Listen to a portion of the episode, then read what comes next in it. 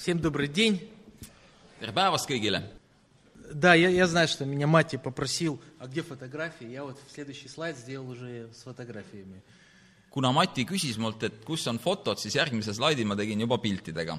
Да, они там маленькие, но это вот какие-то особенные моменты из жизни учеников в Риге. Äh, Need pildid on seal ülal küll väiksed, äh, kes näeb, aga need on äh, jüngrite elus siis, kes elavad Riias. Да, я хотел еще раз поблагодарить за конференцию, за гостеприимство. Спасибо большое. Все ma очень tahtsin teid tänada поддерживали. veel äh, selle konverentsi eest, mis meil siin hiljuti oli ja täname teid külalislahkuse eest väga.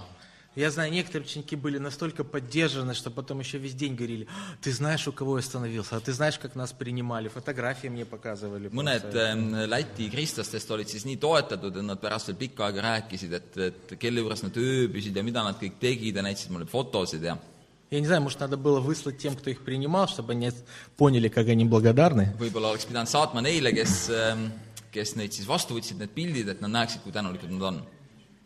Поэтому спасибо большое. aga suur tänu teile! И так приятно всегда быть в Таллине. Спасибо, что принимаете. Я тоже очень рад за эту привилегию проповедовать сегодня. ja mul on alati hea meel olla siin Tallinnas, aitäh selle võimaluse eest, et saan täna kõnelda. И я хотел сделать а, сегодня проповедь по притчам Иисуса.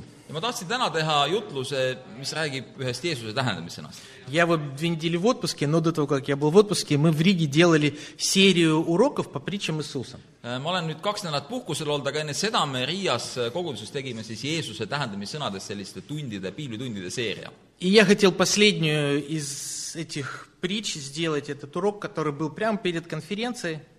ma tahtsin viimase tunni teha vahetult enne konverentsi, mis meil oli.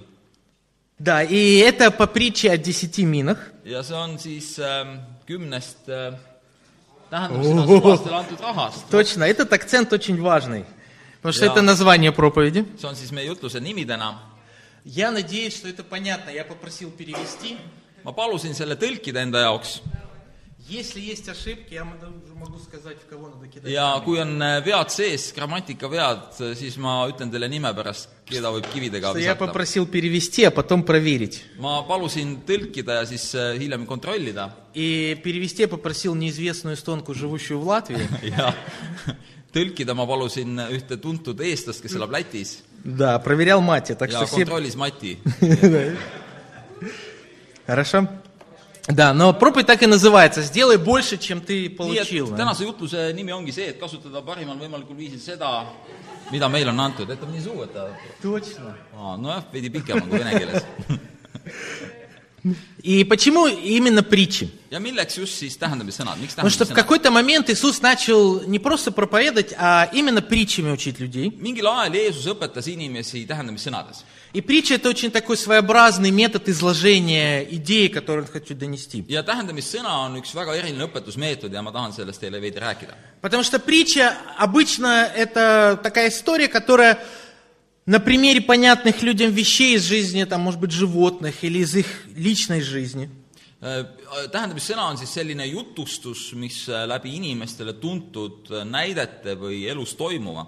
То есть то, что каждый человек в то время, в принципе, очень легко понимал. ehk siis läbi situatsioonide, mida iga inimene tolle aja elus väga hästi mõistis. Но на этом очень понятном примере он хотел донести ту божественную истину, которая была ну, как бы важна людям, чтобы ее понять. tahtis siis Jeesus edasi anda läbi nende eluliste näidete jumalikku tõde.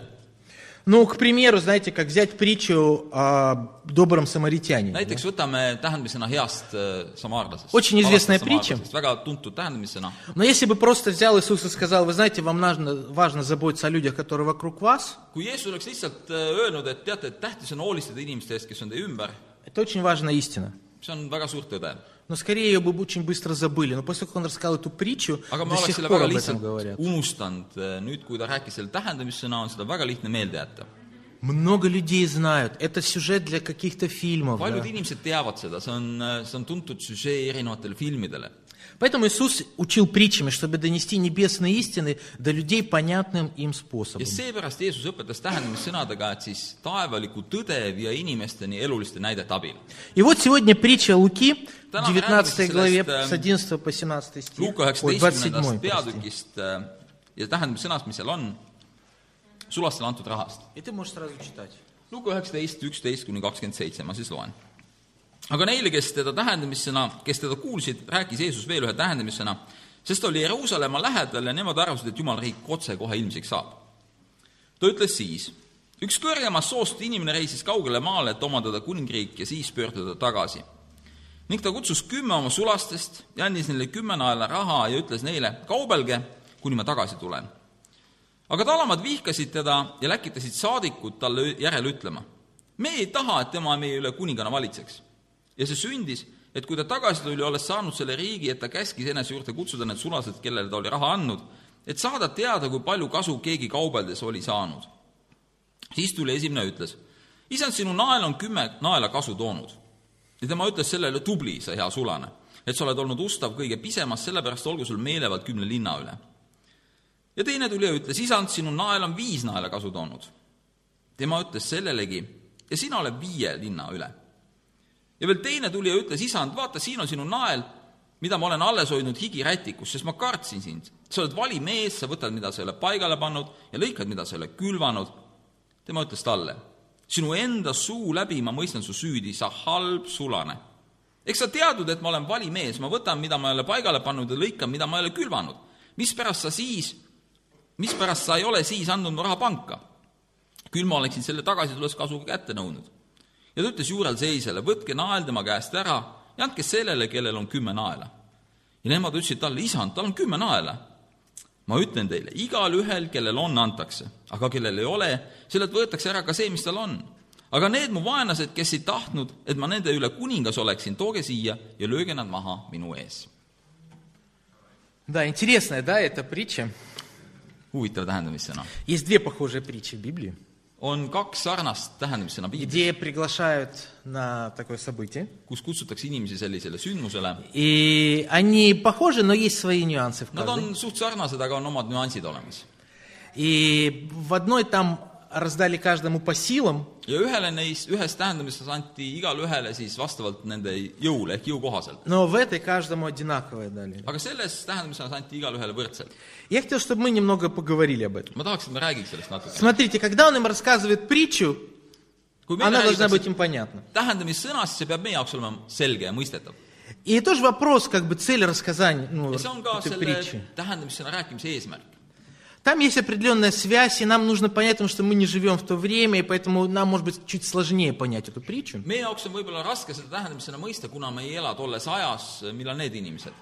Потому что это не аллегория, тут нету никаких предметов, тут говорится о людях, о конкретной ситуации. Но вот, если вы вспомните, в Матфея во второй главе, в 22 стихе упоминается Ирод Архилай по-русски. kuule, kui, kui te tuletate meelde matuse teises peatükis, tuletakse meelde Herodes Arhelaost. И там упоминается в связи с тем, что как только родители Иисуса узнали, что правит Архилай, они даже поменяли свой маршрут и пошли в другом направлении. ja seal räägitakse sellest, et kui ähm, Herodes sai teada lapse sündimusest, siis nad läksid teise suunda, Jeesuse vanemad siis. Потому что там написано после Ирода Великого, который хотел убить всех младенцев, в том числе Иисуса, да, после его смерти Архилай стал править. sest pärast äh, Herodes suure surma sai siis Arhelaos kuningaks. Так вот, что интересно, что после смерти отца Архилай хотел пойти в Рим, попросить одобрения его царства, потому что, если вы знаете, Израиль в то время был оккупирован Римской империей. tahtis Arhelaos minna siis Roomasse, et saada oma kuningriigile tunnustust Rooma poolt, kui me teame ajaloost, siis tollel ajal Palestiina oli okupeeritud äh, Rooma poolt. чтобы его признали как короля, потому что у него были братья. et teda aktsepteeritaks kui kuningat, Но в то же самое время, как он пошел в Рим, за ним пошла делегация евреев. kuid samal ajal, kui tema läks Rooma, läks juutide delegatsioon samamoodi sinna Rooma tema järel. И цель этого похода была донести властям в Риме, что он очень жестокий царь, что они не очень хотят, чтобы он был. ja juutide eesmärk oli siis see, et minna Rooma, rääkida äh, keisrile sellest, et tegelikult Arhelaus on väga-väga julm ja halb valitseja Поэтому они очень просили, чтобы Цезарь не подтвердил его ja nad väga царство. palusid, et keiser ei, ei, ei määraks teda sellesse ametisse. Но он подтвердил. aga ta tegi seda ikkagi, ta kinnitas ta sellesse ametisse. Конечно, в конце концов, из-за его жестокости он все-таки его сослали, oma julmuse poolest ta kaotas selle positsiooni, свергли, да, он жил в Галлии. ta elas Kaljas siis kuni oma elu lõpuni. Да-да-да, но что интересно, все это происходило как раз в те времена, когда Иисус был. sündmused. И как мы в начале здесь в 11 стихе написали, что перед тем, как подойти к Иерусалиму, он рассказал эту притчу.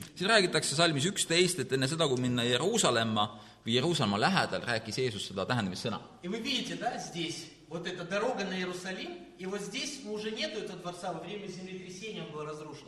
Но здесь был, остался фундамент. see on tee, mis läheb siis üles Jeruusalemma, seal on olemas ühe palee vundament. И представьте, перед тем, как пройти по этой дороге мимо этого дворца, во времена, когда Иисус там проходил, дворец еще был. seal oli selle samas, sama kuninga Arheleose siis äh, palee ja kui Jeesus läks Jeruusalemma, nad kõndisid sellest, sellest paleest mööda tol hetkel. И поэтому, когда Иисус рассказал им эту притчу, для них фактически было как Он проходит, Он возвращается, и это тот самый, кто будет царем. Эта притча, когда Иисус рассказал, для них другими словами было сказано, вот кто царь на самом деле. et ühesõnaga, kui Jeesus kõndis Jeruusalemma poole, rääkides seda tähendamissõna, siis ta tunnistas sellega, et tema on see, kes peab tulevikus saama kuningaks ja, ja inimestel oli väga selge see, see analoogia või see näide. И тут же в 11 стихе мы читали, это как раз было в преддверии, они ожидали, что вот-вот начнется царство. ja salm üksteist veel öeldakse, et äh, tema järgijad ootasid, et kohe-kohe kuulutakse Jumala riik välja. И дальше по тексту, если посмотрите, когда он пришел, ему даже пели там, вот идет царь. ja me teame, et kui Jeesus Jeruusalemma sisenes, siis talle isegi karjuti või hüüti, et, et Hosianna äh, kuningale, kes tuleb. Поэтому представьте, как они из уст Иисуса слышат эту притчу. nii et kujutage ette, kui inimesed järgisid Jeesust, mida nad tundsid või mida nad mõtlesid, kui nad seda tähendamisena kuulsid. Для них было очень понятно. Nende jaoks oli see kõik väga arusaadav ja mõistetav. Настал тот самый период, когда Иисус Господь. ja kätte oli saanud, saabunud just see moment, kus Jeesus on isand. Да, тут написано период Иисус Господь, и мы живем в этом периоде. На see on самом деле. see nii-öelda ajajärk, mis hakkas sellest ajast kehtima ja meie elame täpselt samamoodi selles perioodis, Ja kus какие Jeesus, наши- ajajärgus, kus Jeesus on isand. Чувство об этом. millised on meie tunded? Иисус Господь, вы даже такую наклейку на некоторых машинах сзади можете Te на olete võib-olla бампере näinud увидеть. isegi sellist äh, kleevist äh, inglise keeles võib-olla, et Jeesus on isand kellegi auto taga, tagaotsal. И для нас это такая религиозная фраза. meie jaoks on see võib-olla selline religioosne fraas. По большому счету, да, мы стараемся разобраться, как бы и с уважением к этому отнестись, но все равно это религиозная фраза sellesse, для нас. ikkagi religioosne fraas. Почему? Мы никто не жил в то время, когда мы понимаем, вот что значит, у тебя есть господин. sest me ei ole väga paljud elanud või ei ole keegi elanud selles ajas, kus me mõistaks, et mida tähendab see, et keegi on sinu isand või sa oled kellegi alam. Мы живем времена демократии, есть парламент, который мы выбираем. meil on valimised, Мы, может, над чувствуем, не всегда от нас все зависит, но me мы, ei по крайней мере, его tunneta, выбираем. Да? et meist äh, võib-olla alati kõik sõltub, aga me ikkagi vähemalt saame midagi valida. У нас есть шанс объявить импичментом, да, то есть что-то сделать, недоверие meil on выразить. valitsusele võimalik, ma ei tea, saata kirju, avaldada pahameelt, rahulolematust, Но в те времена людям было очень понятно, что такое ты кого-то признаешь Господом. aga tol hetkel oli inimestele palju rohkem selge see, et mis tähendab see, et sa kedagi nimetad enda isandaks või sa oled kellegi alam. Смотрите, отрывок Луки 14 глава, vaadake, vaadake Luuka neliteist, kolmkümmend kolm alates, с 31 по 33 стих. kolmkümmend üks kuni kolmkümmend kolm. või kui keegi kuningas läheb sõtta võitlema teise kuninga vastu, eks ta istu enne maha ja pea nõu, kas ta on võimeline minema kümne tuhandega selle vastu, kes tuleb tema peale kahekümne tuhandega. aga kui ta ei ole võimeline, eks ta läkita siis, kui teine on alles kaugel saadikuid küsima, mis on vajalik rahuks. nõnda siis igaüks teie seast, kes ei jäta maha kõike, mis tal on, ei saa olla minu jünger. Тут все очень просто. Если ты не готов отказаться от всего, что имеешь, ты просто не можешь быть. И смотрите, когда ты признал кого-то господином, в то время это обозначало, все, что у тебя есть, ты все отдал. kui tol ajal keegi kuulutas kellegi enda isandaks, siis see tähendas see, et ta sellega andis ka ära kõik, mis tal И у on. тебя нет никаких прав в этом sul ei ole смысле. mingeid õigusi selles Если твой господин сказал, вот завтрашнего дня налоги 90%, значит kui 90%. isand ütles homme sulle, et homsest on üheksakümmend protsenti maksud, siis lihtsalt niimoodi oligi, üheksakümmend protsenti. Ну ja keegi ei hakanud rääkima, kuule, see on mõttetu kuidas ma nüüd hakkama saan. Ta on isand, ta on nii otsustanud. Kui ta otsustas, et järgmine päev kõik käivad mustas riietuses, siis kõik pidid mustas riietuses käima. Aga see ei ole muidugi see, et see ei ole sinu lemmikvärv, see ei lugenud argumendina. Те времена просто, знаете, какие-то вещи были, нас сейчас это пугает. Meid praegu selline asi hirmutaks. Понятие первой брачной ночи, когда господин мог вот взять после свадьбы твою жену, või näiteks teatud чтобы... riikides see esimese öö õigus, kus isand võis veeta pruudiga esimese öö, peale С этим abiellumist. сложно согласиться эмоционально, но так было.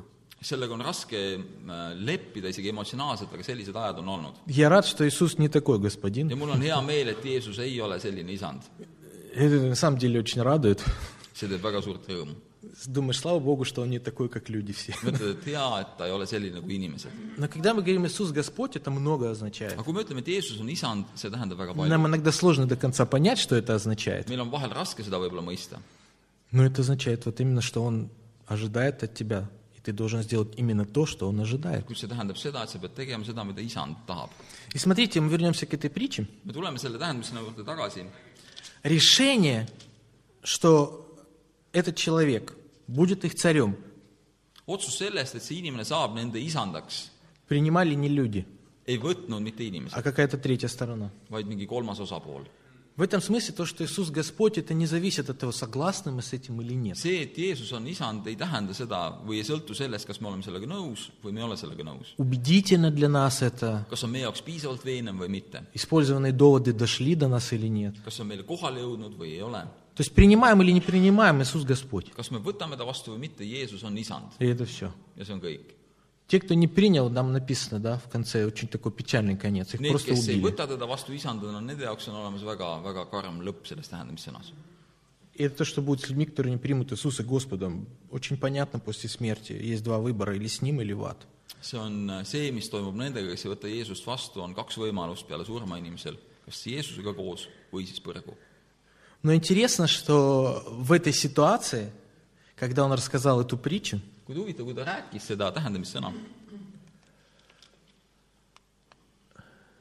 да, а, имелась в виду такая простая вещь, что там всем дали одинаковую.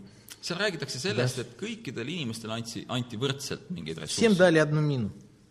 kõikidele anti võrdselt. Но что он ожидал? Mida ta ootas, Что ты сделаешь не только то, что ты получил, или сохранишь это, et sa ei tee mitte ainult seda, et sa hoiad seda endale, но что ты приумножишь. vaid seda, et sa paljundad И seda. он здесь поднимает людей, которые это приумножили в разы. ja siin räägitakse inimestest, kes kord, kordades seda То paljundasid. есть идея «я христианин», «я крестился», главное быть спасенным и дойти до конца» вообще не христианская идея. nii et see mõte, et ma olen saanud kristlaseks, ma olen saanud ristitud, ma olen päästetud, nüüd minu eesmärk on ainult minna taevasse ja mitte midagi muud, see ei ole kristlik . Этой притчей Иисус очень четко подчеркнул, это лукавство. siin Jeesus räägib väga selgelt , see on , see on halval teel olemine . Мы еще это всегда называем эгоизмом. me nimetame seda ka veel ego- , Когда ты egoismiks . думаешь только о себе. see on inimene , kes mõtleb ainult endast . Цель была сделать больше, чем получил. eesmärk oli teha rohkem sellest , mis sa oled saanud . Очень понятно Иисус это донес. ja väga selgelt Jeesus annab И что edasi . мы получили? mida me oleme saanud ? Спасение, pääste , какие-то возможности, которые у нас есть, mingid võimalused , mis meil elus on , в Том числе финансовые. rahalised võimalused. Мы определяем, что нам сделать, во что их вложить. me ise otsustame, kuhu seda suunata Мы пытаемся определить, где этот баланс служения, где баланс отдых, да, и мы на это планируем финансы. me planeerime oma rahalisi vahendeid äh, puhkuseks, vabaks ajaks, Наши таланты и способности. me oleme saanud oma anded ja võimalused. С одной стороны, мы благодаря им зарабатываем, нашим талантам и способностям мы их используем, чтобы заработать деньги. ühelt poolt me kasutame oma talente ja andeid selleks , et teenida raha , С другой стороны, Бог их нам дал не только для этого, и, скорее всего, наоборот, как раз не для этого. teiselt poolt äh, ei ole Jumal neid asju andnud ainult mitte selle jaoks ja tegelikult võib otseselt öelda mitte selle jaoks . А может быть, мы их даже и не используем. võib-olla me isegi ei kasuta neid nende teiste asjadega , По-разному, да? võib-olla erinevalt . Я иногда, не знаю, было у вас такое чувство или нет, я иногда смотрю на мате, там, да, в Риге, иногда на ото. Я думаю, если бы я так говорил по-английски, по-эстонски, играл на пианино, я бы, наверное, был бы ценнее, вот просто в два раза. nagu ootas, mõtlen. Это я про тебя. Ото не играет на пианино. et vahel äh, ma mõtlen, et kui ma vaatan Mati peale, et kui ma räägiks niimoodi eesti ja inglise keelt ja mängiksin klaverit, Я был бы в два раза ценнее просто. ma, ma tunneks ennast palju hinnatumana, kaks korda А vähemalt. в Таллине, наверное, бы в 10 из себя говорил aga Tallinnas по-эстонски. Представь себе. И есть чувство, как, почему один мати вообще? ja miks ma, miks on ainult üks Mati olemas, ma Хотя бы пять. Э, Это момент, да? Если ты смотришь иногда на кого-то и думаешь, ну как это vahel sa возможно? mõtled kellegi peale, mõtled, et kuidas on võimalik niimoodi. Но на самом деле каждому Бог из нас дал талант. kuid igalühele on Jumal andnud mingid anded . Абсолютно не менее важный, sugugi mitte vähem tähtsad . Да, я не умею так играть, но у меня есть другие таланты, которые jah , ma Бог ei oska считает не mingit менее pilli важными. mängida , aga mul on mingid teised anded olemas . И это почему он в этой притче подчеркнул, всем были даны ja see on see, mida siin tähendamissõnas on öeldud, et kõikidele on antud võrdselt. Даже считаешь, что твой талант не такой важный, kui sa arvad, et sinu anne ei ole nii tähtis, скорее это только твоя оценка. Бог оценивает, что see же важный. sinu vaatenurk, Jumal hindab seda. Смотрите, я хотел, чтобы мы посмотрели несколько отрывков ma tahan, et me vaataks mõned kirjakohad из фильма, который мне нравится. Я не знаю, смотрели вы его или нет. «Царство небесное». ta nimi on Taevane kuningriik. Про, там главный герой, который хочет понять, что такое Царство seal небесное. on да. peategelane, kes tahab mõista, mis on see taevane kuningriik. И сначала его мотивы очень ja эгоистичны. alguses on tema motiivid väga egoistlikud Я хотел, чтобы мы посмотрели. ja ma tahan, et me vaataksime seda. Знаешь, что ждет в Святой Земле? Новая жизнь. Тот, у кого во Франции коня не было, в Святой Земле правит городом. А кто владел всем на свете, побирается. Знай, это место, где происхождение пустой звук. Ты становишься тем, кем можешь стать. Я искуплю все свои грехи. И только.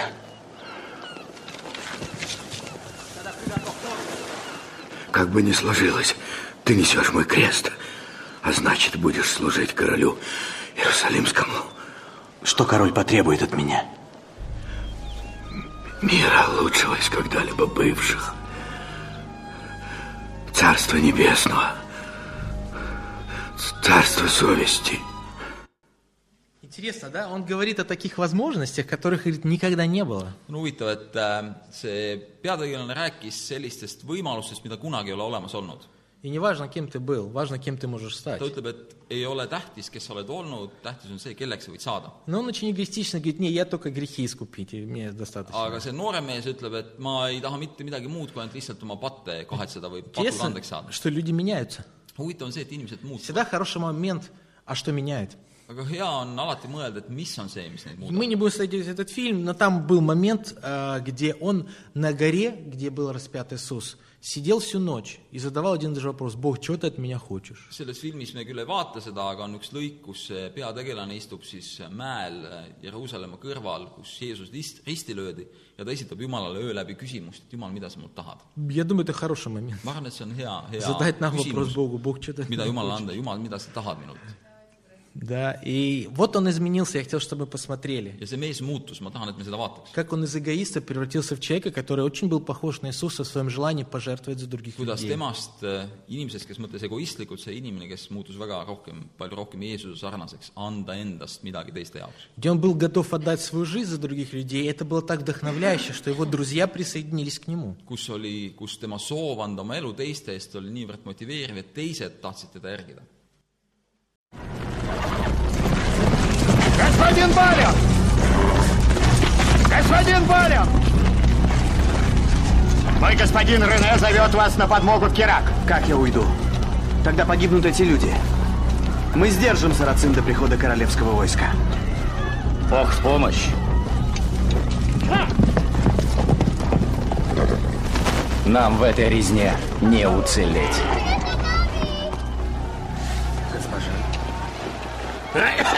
Кого ты видишь? рыцаря и войско.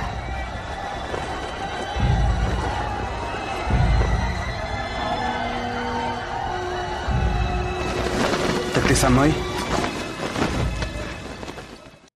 Смотрите, да, вот он из эгоиста пошел на смерть ради других людей, которых он в принципе даже не знает. Они не его друзья вообще. sellel hetkel on temast saanud inimene , kes on muutunud egoistiks sellises , egoistist selliseks , kes on valmis teiste eest surma minema .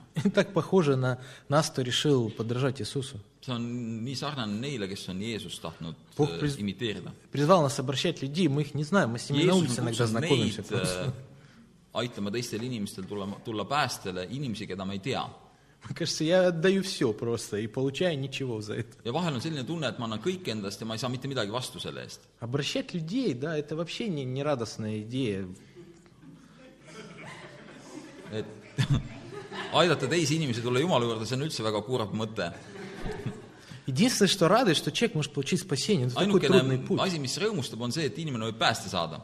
Смотрите, идти на смерть за других вообще не радостно. vaata, minna teiste eest surma, selle, selles ei ole mitte midagi rõõmsat. Никто не, не вдохновляет, о, приди и пойди и умри там, keegi, знаешь. keegi ei rõõmusta, kui talle öeldakse, et kuule, tule, mine ja sure teiste eest. Всегда вдохновляет чем-то, что будет потом, что, может быть, ты alati будешь motiveerib see, героем. motiveerib see, et mis saab hiljem. Понимаете, да?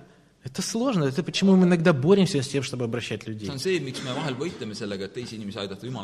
Жертвовать, умирать, страдать, и люди это не ценят вообще. Сколько из тех христиан, за которых он пошел умирать, подошли ему руку пожали?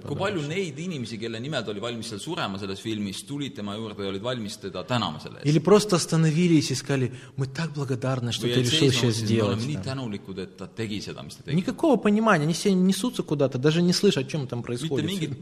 arusaamist, nad teevad oma tegevust, lähevad kuhugi, nad ei pööra üldse tähelepanu sellele. Мы иногда испытываем такие вещи, правильно? Пытаясь vahel людям tunnet. Не понимают, не благодарны. Зачем это надо? tänamatud, miks me üldse seda teeme. Интересно, да? Но смотрите, он что-то понял, да, этот герой. see peategelane sai millegist aru И он был вдохновлен идеей служить Богу. Да, он понимал, может, по-своему это все. Но вот был рядом с ним религиозный человек. kuid tema kõrval oli üks religioosne inimene И мы посмотрим вот именно, как они общаются. ja me vaatame seda, mismoodi nad suhtlevad omavahel. Тот самый религиозный человек, который знал о Боге так много, see как, oli может быть, никто в том городе. teadis äh, väga palju Jumalast rohkem kui keegi teine. Он знал, и по идее все ожидали, что значит он будет соответственно и поступать. kõik teadsid seda ja ootasid, et ta käitub ka vastavalt. Потому что у нас bывают моменты, мы так вдохновлены Богом, sest meil on kaks asja, me oleme väga motiveeritud Jumalast мы горим, иногда даже, может, нам не хватает понимания и знаний, но это все компенсируется желанием. ja me räägime sellest, aga, aga, aga meil oli isegi võib-olla teadmisi, aga meil on suur tahe. Это как проповедовал я иногда. Сказал ерунду какую-то человек, «А, ничего себе, потому что я был вдохновлен.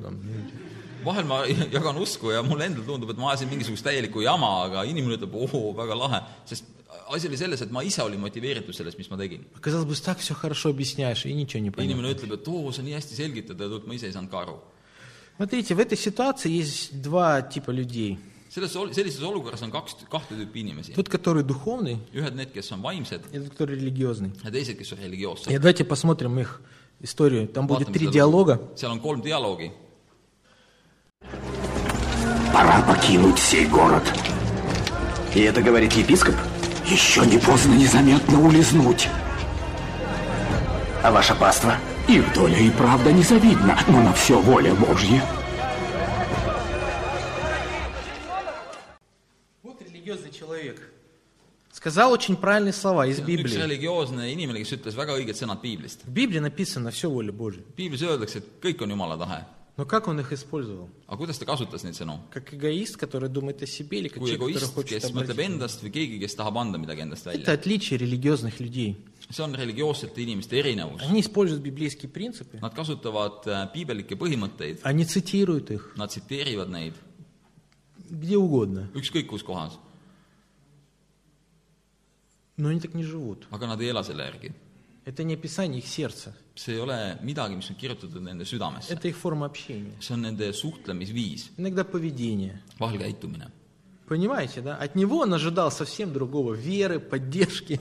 Äh, peategelane ootas sellelt äh, äh, kirikutegelaselt midagi hoopis midagi muud, usku, toetust.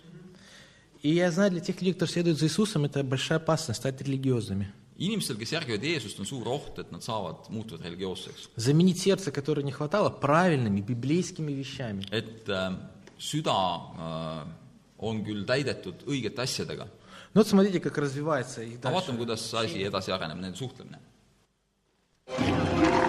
Ворон, ворон! Как мы защитим Иерусалим без рыцарей? У нас нет рыцарей. Точно?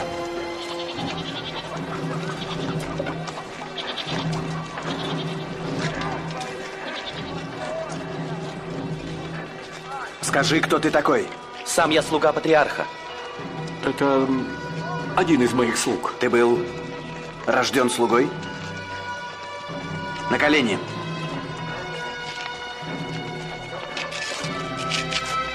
Каждый с мечом в руке! Каждый, кто может биться им! На колени! Встать на колени!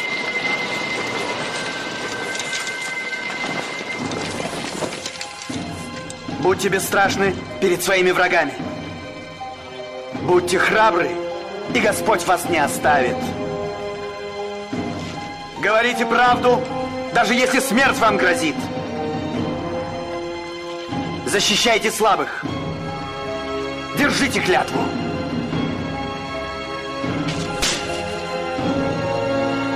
А это чтоб лучше помнил. Встань, рыцарь!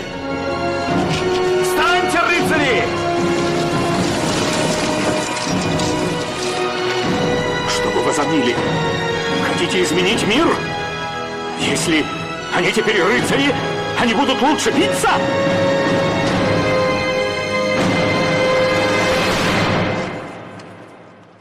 Да. Вот угадайте, кто из них духовный. arvake ära siis, kes on neist vaimne. Знаете, духовность – это не знание просто фраз из Библии. vaimsus ei ole mingisuguste fraaside teadmine piiblist. Это то, как ты реагируешь на обстоятельства. see on see, kuidas sa reageerid sündmustele. Они оба в одинаковых обстоятельствах. Need inimesed olid mõlemad ühes olukorras. И религиозные в таких обстоятельствах ищут оправдание, religioossed inimesed otsist-, otsivad õigustust oli tolla, tolli, tol, sellistes olukordades. дух- духовные возможности. vaimsed otsivad võimalusi.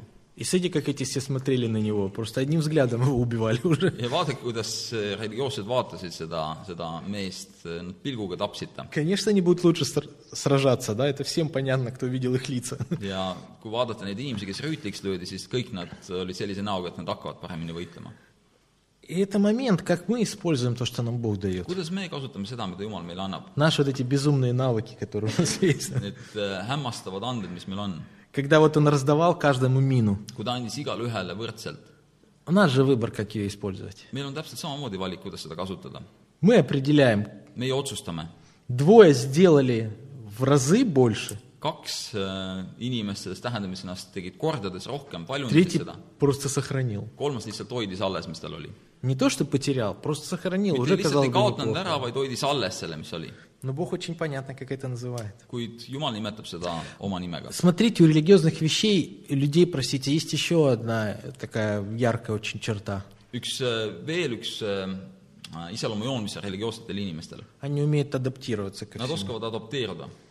Найдут возможность, как в любой ситуации, подстроиться. Да? Nad leiavad igasuguses olukorras võimaluse, kuidas kohaneda. И вот смотрите еще один. vaadake veel üks olukord. Выдвинут условия. Очень жесткие условия. Можно принять ислам и покаяться. Я много узнал от вас о религии, ваше преосвященство.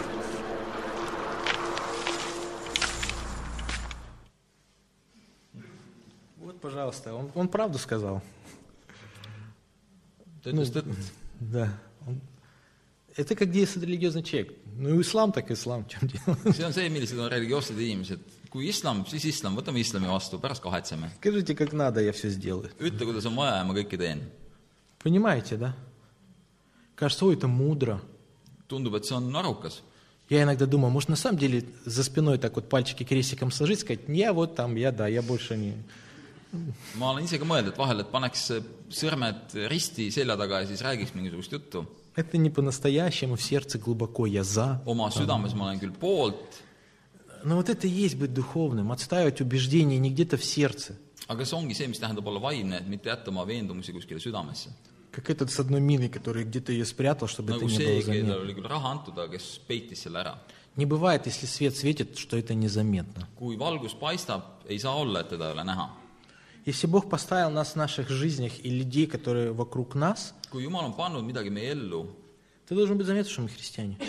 või kui Jumal on pannud teised inimesed meie ellu, kes on kristlased, sa pead seda nägema, et nad on kristlased. Не так, что он просто плохо разглядел во мне христианина. või teised inimesed peavad nägema seda , et me oleme kristlased . Et должно быть asi ei видно. saa olla niimoodi , et me ütleme , et oh , et ta ei saanud aru lihtsalt , ta , ta ei jälginud mu elu ja sellepärast ta ei osanud öelda , kas ma olen Это kristlane . вызывающий момент. see on väljakutsuv moment . Знаете, наша жизнь быстро пролетает, meie elu läheb kiiresti mööda и нам кажется иногда, что ну еще достаточно времени. ja meile vahel tundub , et meil on piisavalt aega . Наверное, может быть, человек, который спрятал ту мину, see inimene , kes peitis selle raha ära , он тоже думал, о, пока вернется еще кучу времени. Но вы знаете, всегда любой период заканчивается. Только когда мы будем вечно с Богом на небесах, это не закончится. ainuke asi, mis on igavik, igavikuline, on see, kui me oleme igavesti taevas koos Jumalaga. Мы всю жизнь нашу построили во временных отрезках. Мы нашу жизнь построили во временных отрезках, таких как там час, день, месяц. me oleme oma elu ehitanud üles aja erinevatele ajamõõdikutele või aja- ajaperioodidele. И это не наша идея даже. see ole isegi mitte meie idee. Это Бог так сделал, что день, ночь, день, ночь, jumal on loonud niimoodi, et päev öö vahelduvad. Почему? miks? Чтобы было очень понятно, как мы движемся. et oleks väga selgelt aru saada, kuidas me liigume. Понятно, да? Мы не можем без каких-то отрезков понимать, где мы. ilma igasuguste ajapiirideta või ajamõõdikuteta me ei suuda aru saada , kus me asume . Как можем понять, ученики мы или нет? kuidas me võime mõista , oleme me kristlased või mitte ? Мы смотрим, что говорит Библия, me vaatame seda , milles on piiblis kirjas и смотрим, сегодня это ja получилось, vaatame , kas täna tuli see välja и сегодня ты ученик или нет, ja täna sa oled kas kristlane või mitte . а не просто когда-то обязательно. mitte lihtsalt jah . Поэтому Иисус говорит, живите сегодняшним днем. sellepärast Jeesus ütleski , et elage tänases päevas . Ну, просто сегодня ты ученик, Täna oled sa kristlane. сегодня ты используешь то, что Бог тебе kas sa дал. täna kasutad seda, mis Jumal on sulle andnud? Но сегодня выходной, вот завтра начну. jah, täna on küll ju pühapäev, aga homme alustan. Поэтому есть сегодня. sellepärast ongi olemas täna. Смотрите, последний момент я хотел закончить еще одним отрывком из другого фильма. viimane asi, millega ma tahaks lõpetada, on veel üks lõik ühest teisest filmist. Да, «Carpe diem» – это такая латинская фраза. Carpe diem, see on üks äh, ladinakeelne fraas, Она обозначает «лови момент». Mis tähendab seda, et püüa hetke. И это отрывок из фильма «Общество мертвых поэтов». Я не знаю, смотрели вы или нет. surnud poetide ühing, selline film. ma ei tea, kas te olete näinud seda või mitte. Но интересно, там молодой преподаватель, который пришел в университет, aga seal on huvitav äh, hetk, kus üks noor õpetaja tuleb äh, ülikooli и группа студентов. ja seal on üliõpilaste grupp siis. И перед этим в фильме показывали, как эти студенты начали учиться, и вот одного преподавателя за другим, там несколько преподавателей показывают с их ожиданиями от того, что должны делать студенты. ja selles ähm, loos siis äh, räägitakse sellest, kuidas üliõpilaste grupp hakkab õppima, kuidas nad erinevate õppejõudude juures seal suhtlevad ja mida õppejõud ootavad neilt. И в основном все там диалоги сводились к тому, не сделаешь это, не сдашь экзамен. ja enamus dialoog on sellised nende üliõpilaste ja siis õppejõudude vahel, et õppejõud ütleb, et kui te ei tee seda, siis te ei anna ära eksamit. kui te ei tee seda, siis te ei täida normi. Там пропустишь лекцию, будет ниже оценка. Там, jääd вот все äh, такое. puudud äh, loengus, saad madalama hinde. И вот все там старые дедушки один за одним вот это все рассказывают. ja И kõik вот приходит räägivad seda молодой ja siis преподаватель. tuleb üks äh, noor õppejõud. И вот как он с ними ja построил tema разговор. nendega hakkab ehitama suhet. Давайте посмотрим. Идемте.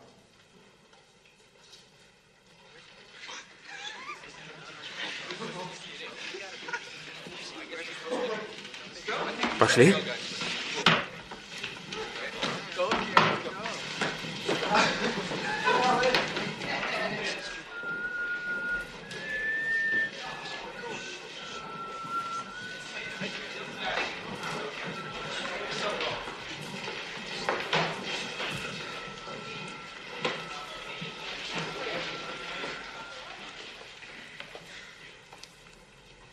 О, капитан? Мой капитан. Кто знает, откуда это? Никто.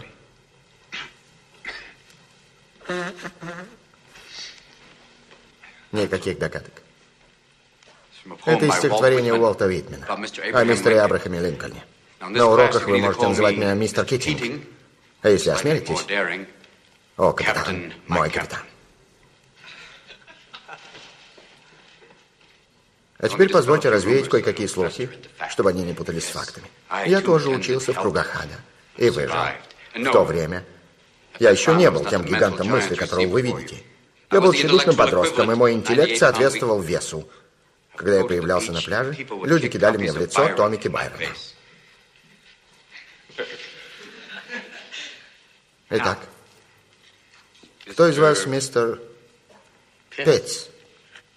Какая редкая фамилия. Мистер Питц, где вы? Питц, откройте ваш псалтырь на странице 542 и прочтите первую строфу стихотворения. Девственникам о быстротечности времени? Да, верно. Как раз к месту, правда? Пока спит время, старина, вам рвать, смеясь побеги. В ней чахнет роза, а она вчера купалась в неге. Спасибо, мистер Питц. Пока спит время. На латыни это можно выразить как «carpe diem». Как это перевести? Carpe diem? Значит, лови мгновение. Очень хорошо, мистер. Микс. Микс. Еще одно редкое имя. Лови мгновение. Пока спит время, старина. Почему поэт написал эти строки? Потому что спешил. Нет. День. Спасибо за участие. Потому что мы пища для червей, ребята. Можете мне не верить, но каждый из вашего класса однажды перестанет дышать. Похолодеет и умрет. Подойдите-ка сюда.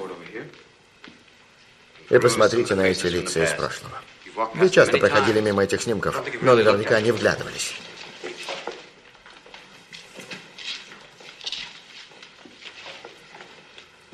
Они ничем от вас не отличаются. Также подстрижены. Их гормоны играют, как и ваши. И, подобно вам, чувствуют себя непобедимыми.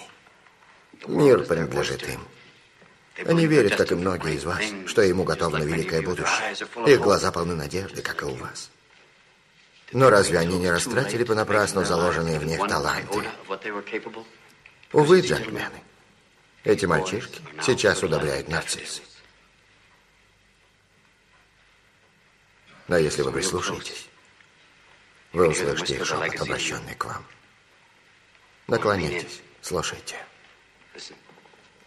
Вы слышите?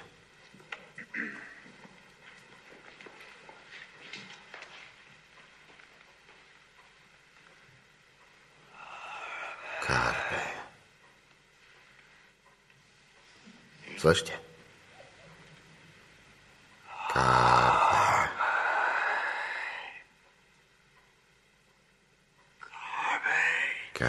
Дием. Ловите мгновение, мальчики. Пусть ваша жизнь будет необыкновенной. По-моему, все понятно, да? kõik on selge, jah? Мы все хотим, чтобы наша жизнь что-то значила. me kõik tahame, et meie elu tähendaks midagi. Это не секрет, мы все умрем. see ei ole saladus, et me kõik sureme. Он сказал, будут кормить нарциссы на кладбище. nagu Просто see наши mees seal тела. ütles, et meie kehad hakkavad nartsisse surnuaial toitma. И важный момент только то, что будет в вечности. ja tähtis on ainult see, mis saab olema igavikus. Где будет наша душа, где мы на kus самом деле hinged, будем. kus me tegelikult satume. Поэтому давайте ловить момент, хорошо? see on oluline moment. Для этого, я верю, надо делать больше, чем мы получили. seetõttu sellepärast on vajalik teha rohkem kui see, mis me oleme saanud. Спасибо. aitäh teile